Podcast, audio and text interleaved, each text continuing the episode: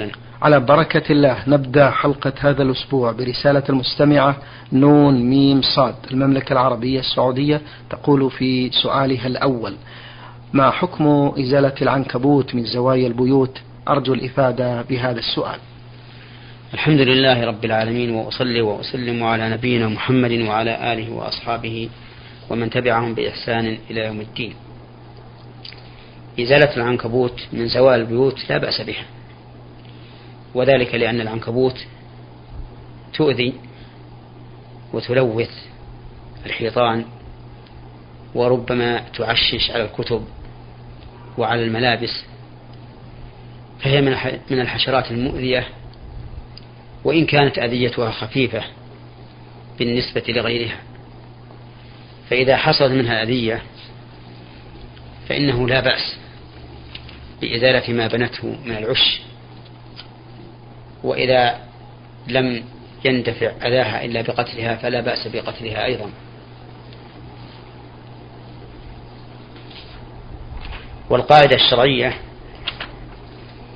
أن هذه الحشرات إما أن تكون مؤذية بطبيعتها فهذه يسن قتلها. كالعقرب والفارة والحية ونحوها ونحوها. وإما أن تكون مؤذية بسبب عارض فهذه لا يسن قتلها مطلقا ولكن تقتل في في حال أذيتها. ولا تقتل إذا كانت في حال لا تؤذي فيه فيها. لأن قتلها في حال لا تؤذى فيه قد يكون سببا لتعود النفس على العدوان على مخلوقات الله. ولكن ليس هذا على سبيل التحريم أو الكراهة إنما على سبيل التورع والأولى. لأن الحشرات وشبهها جاءت السنة فيها على ثلاثة وجوه. الوجه الأول الأمر بقتلها وهذا في المؤذيات بطبيعتها. فقد قال النبي عليه الصلاة والسلام خمس من الدواب كلهن فاسق يقتلن في الحل والحرم الغراب والحدعة والعقرب والفارة والكلب العقور. فهذه الخمس وما كان مثلها أو أشد أذية يشرع قتلها بكل حال. سواء حصلت منها الأذية فعلا أم لم تحصل لأنها إن حصلت منها الأذية فقد قتلت بتلبسها بالأذية وإن لم تحصل فهي مهيئة للأذية والقسم الثاني ما نهى الشرع عن قتله. فقد نهى النبي صلى الله عليه وسلم عن قتل أربع من الدواب النملة والنحلة والهدهد والصرد. فهذه لا تقتل. والقسم الثالث ما سكت الشارع عنه فالأولى ألا تقتل وإن قتلت فلا حرج فيها. بارك الله فيكم. هذه رسالة وصلت من المستمعة أم عبد الرحمن المنطقة الشرقية تقول في سؤالها من الأمور التي يصعب على المسلم فهمها الأمور الفقهية المتعلقة بالسفر إذ أن البعض يرى اختلاف في السفر في هذه الأيام عن الأيام التي كان يعيشها الرسول صلى الله عليه وسلم. فيرى البعض أنه لا مشقة في السفر إن كان بقصد زيارة الأهل أو الأقارب في مدينة تتوفر فيها في مدينة يتوفر فيها ما يتوفر في المدينة التي يسكن بها المسافر. كما أن وسائل النقل في الأيام الحالية وسائل مريحة لا نصب فيها ولا تعب. لذا فنود من فضيلة الشيخ أن نتعرف هل للمسافر سفر زيارة أو سياحة أو دراسة أو نحو ذلك. القصر مدة سفره وإن طالت أم أن عليه الصلاة تامة كاملة. نرجو بهذا التوضيح مأجورين. نقول إن الرخص التي ثبتت في السفر جاءت على سبيل الإطلاق بدون قيد المشقة. فقد قال الله عز وجل وإذا ضربتم في الأرض فليس عليكم جناح أن تقصروا من الصلاة إن خفتم أن يفتنكم الذين كفروا. وهذا القيد أعني قوله تعالى إن خفتم أن يفتنكم الذين كفروا. قد ثبت أنه قيد نسخ وتصدق الله على عباده فأباح لهم القصر مطلقا. وكان آخر سفرة سافرها النبي صلى الله عليه وسلم سفر سفره لحج لحج الوداع وقد ثبت أنه صلى الله عليه وسلم كان يقصر وهو آمن ما يكون.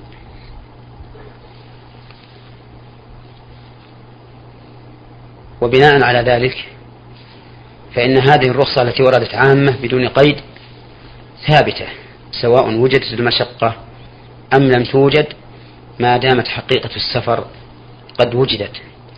فمتى كان الإنسان مسافرا فإنه يحل له أن يترخص برخص السفر كلها من الفطر في رمضان وقص الصلاة الرباعية والمسح على الخفين والجوارب ثلاثة أيام بلياليها حتى وإن كان الإنسان مسافرا إلى زيارة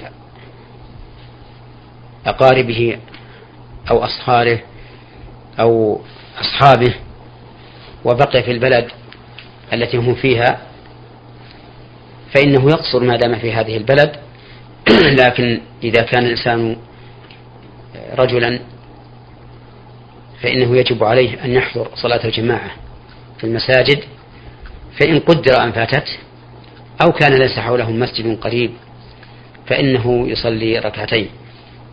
أما النساء فإنهن يصلين ركعتين لأنهن ليس من أهل الجماعة. يعتقد البعض فضيلة الشيخ بأنه في سفره أن النوافل أو السنن الرواتب تسقط عنه تعليق على هذا أيضا نعم. نقول إن المسافر لا يسقط عنه شيء من النوافل بل النوافل مشروعة في حقه كما هي مشروعة في حق المقيم فيصلي الضحى ويتهجد في الليل ويصلي تحية المسجد ويصلي سنة الوضوء ويسجد للتلاوة ويفعل كل ما يفعله المقيم. إلا ثلاثة إلا ثلاثة صلوات رواتب فإنه لا يصليها. وهي راتبة الظهر وراتبة المغرب وراتبة العشاء. فإنه لا يصلي لهذه الصلوات الثلاث رواتب لأن السنة تركها. ولكن لو صلى قبل الظهر تطوعا بغير قيد الراتبة فلا بأس. ولو صلى بعد الظهر تطوعا لا بقصد الراتبة فلا بأس. وكذلك لو صلى بعد المغرب تطوعا لا بقصد الراتبة فلا بأس. وكذلك بعد العشاء.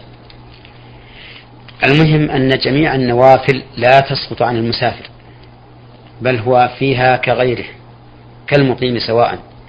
إلا هذه النوافل الثلاثة راتبة الظهر وراتبة المغرب وراتبة العشاء. فإن السنة تركها ولكن لو تنفل تطوعا لا بقصد الراتبة في هذه الأوقات فلا حرج عليه. لكن العصر ليس لها راتبة من الأصل. نعم.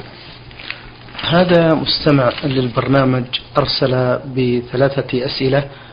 المستمع يقول لم يذكر الاسم هنا يقول في السؤال الأول رجل صلى المغرب غالبا على ظنه وبدون شك أنه على طهارة. وعند وجوب صلاة العشاء تذكر أنه صلى المغرب بدون وضوء فذهب يتوضأ وأدرك مع الإمام صلاة العشاء ركعتين وزاد ركعة وجعلها للمغرب ثم قام وصلى العشاء لوحده فما رأي الشرع في نظركم في عمله هذا؟ نرجو الإفادة. نعم. عمله هذا عمل صحيح وليس فيه بأس. فإن هذا الرجل لما تبين له أنه صلى المغرب بلا وضوء أعادها وهذا هو الواجب. على كل من صلى صلاة. ثم تبين له أنه على غير طهارة فإنه يجب عليه أن يتطهر ويعيدها. بخلاف من صلى صلاة وعلى ثوبه نجاسة أو في بدنه أو على بدنه نجاسة أو على مصلاه نجاسة وهو لم يعلم بها إلا بعد تمام صلاته فإنه لا إعادة عليهم. وكذلك لو كان عالما بها من قبل ولكن نسي فصلى فيها فإنه لا إعادة عليه لأنه ناسي. وقد قال الله تعالى ربنا لا تؤاخذنا إن نسينا أو أخطأنا فقال الله تعالى قد فعلت. وبه يتبين الفرق بين من صلى بغير وضوء ومن صلى وعلى ثوبه نجاسة أو على بدنه. فإن الأول الذي صلى بغير وضوء تجب عليه الإعادة ولو كان ناسيا أو جاهلا. وأما الثاني وهو من صلى وعلى ثوبه نجاسة أو على بدنه أو في مصلاه وهو جاهل أو ناسي فإنه لا إعادة عليه. قال أهل العلم مفرقين بين المسألتين لأن ترك الوضوء من باب ترك المأمور. وإزالة النجاسة من باب ترك المحظور. وترك المحظور إذا حصل المحظور من شخص وهو ناس أو جاهل فلا شيء عليه. وترك المأمور إذا حصل من شخص وهو جاهل أو ناسي فإن عليه أن يأتي بالعبادة على الوجه المأمور. وأما صلاته المغرب خلف من يصلي العشاء فهو أيضا صحيح. لأنه صلى وراء الإمام مقتديا به غير مخالف له. فامتثل أمر النبي صلى الله عليه وسلم بقوله إنما جعل الإمام ليتم به فلا تختلفوا عليه. فإن هذا الرجل لم يختلف على إمامه بل كان متابعا له. فصحت صلاته من حيث المتابعة. وداخل في قوله صلى الله عليه وسلم إنما الأعمال بالنيات وإنما لكل امرئ ما نوى. فصح صلاته باعتبار النية.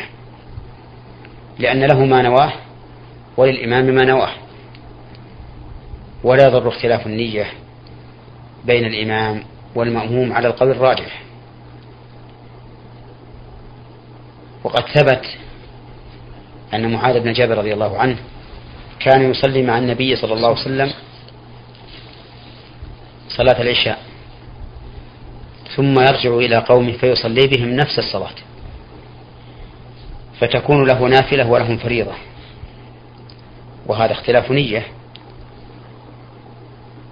بل اختلاف جنس. لأن النافل جنس والفرض جنس آخر. وأجاز النبي صلى الله عليه وسلم ذلك. إن كان عالما به فقد أجازه حقيقة وإن كان لم يعلم به فقد أجازه حكما. وقد نص أهل العلم على أن ما فعل بوقت النبي صلى الله عليه وسلم فإنه مرفوع حكما. لأنه لو كان مخالفا لما أرضاه الله عز وجل لبينه الله تعالى وإن كان قد خفي على نبيه. كما في قوله تعالى يستخفون من الناس ولا يستخفون من الله وهو معهم إذ يبيتون ما لا يرضى من القول وكان الله بما يعملون محيطا فأنكر الله عليهم ما يبيتونه من القول الذي لا يرضاه. على كل حال القول الراجح أن أنه لا يضر اختلاف نية المأموم عن نية الإمام. فصلاتك إذن صحيحة. نعم. بارك الله فيكم. في سؤال المستمع الثاني يقول رجل له أولاد بلغوا سن الرشد وكل واحد منهم متزوج وواحد منهم يكاتفه ويعاونه في أعماله ويطيعه ويتفقد شؤون والده في مزرعته أو عماراته وما أشبه ذلك. أما البقية فيصدون عن مثل هذه الأعمال وكل واحد يقوم بحاله. الخاص ولكن الوالد جعل لهذا الولد الذي يساعده حق زائد على إخوانه مثل أنه يسكنه أنه يسكنه معه بدون مقابل أجرة. أما البقية فيستأجرون في عمائر أخرى. أفيدونا في مثل هذه القضايا. وفقكم الله. نعم. يجب أن نعلم قبل الإجابة على هذا السؤال أن رسول الله صلى الله عليه وسلم قال اتقوا الله واعدلوا بين أولادكم. وذلك حين جاءه بشير بن سعد الأنصاري يخبره بأنه نحل ابنه النعمان بن بشير نحلة. فقال له الرسول فقال له رسول الله صلى الله عليه وسلم أفعلت هذا بولد بولدك كلهم؟ قال لا. فقال صلى الله عليه وسلم أشهد على هذا غيري فإني لا أشهد على جور. فتبرأ النبي صلى الله عليه وسلم من الشهادة عليه وقال إني لا أشهد على جور. وهذا يدل على أن الرجل إذا أعطى أحد من أولاده ما لم يعط الآخرين فإنه جائر والجور حرام مخالف للعدل. ولهذا قال صلى الله عليه وسلم في نفس الحديث اتقوا الله واعدلوا بين أولادكم. وكيفية العدل؟ أنه إذا كان ذلك في نفقة واجبة. فإنه يعطي كل واحد ما يحتاجه في نفقته. قل أو كثر. فلو قدر أن له أولادا ثلاثة أحدهم قد بلغ سن الزواج ويرغب أن يتزوج والثاني دون ذلك والثالث دون ذلك. لكن الثاني يدرس في كلية أو ثانوية يحتاج إلى كتب يراجعها. والثالث دونه ولا يحتاج إلى ما يحتاج إليه الثاني من الكتب. فهنا نقول العدل أن تزوج الأول ولو خسرت عليه ما خسرت من الدراهم. ولا يلزمك أن تعطي الاثنين مثله. ونقول والعدل الثاني أن تعطيه ما يحتاجه للكتب. وإن كنت لا تعطي الثالث مثله لأن الثالث لا يحتاجها وتعطي الثالث ما يحتاج إليه. فلو قدر أن الثاني حاجته من الكتب تبلغ خمسمائة ريال اشتري له كتبا بخمسمائة ريال. والثالث لا يحتاج إلا خمسين ريالا اشتري له كتبا بخمسين ريالا. والأول الذي كان يتزوج احتاج إلى عشرين ألفا للزواج زوجه بعشرين ألفا. ولا يعد هذا جورا. لأن هذا قيام بما يجب من النفقة.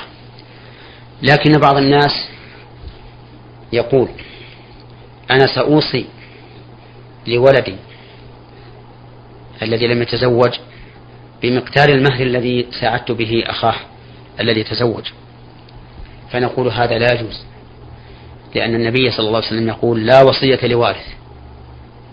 لكن إن أدركت الصغير سن الزواج فزوجه وإن لم يدرك ومت قبل أن أن يدرك ذلك فلا حرج عليك لأن الزواج من. لأن الزواج من النفقة من النفقة فيعطى كل واحد منهم ما يحتاج إليه فقط أما إذا كانت العطية تبرعا محضا لا للحاجة فإنه يجب التعديل بينهم ولا يعطى أحد دون الآخر وكيفية التعديل على قول الراجح أن يعطى الذكر مثل حظ الأنثيين. فإذا كان عنده ابن وبنت وأراد أن يعطيهما منحة تبرعا لا في مقابل واجب النفقة فإنه إذا أعطى الولد ألفين يعطي البنت ألفا فقط. وبعد هذا نجيب على سؤال السائل. الذي ذكر أن له ثلاثة أولاد وأن أحدهم يعمل مع أبيه في مزرعته وفي تجارته وفي عقاره وأنه يريد وأنه يسكنه مجانا وأن إخوته الآخرين يسكنون بالأجور من عند أنفسهم. فنقول إنه لا حرج عليه أن يسكن ولده بإحدى بيوته.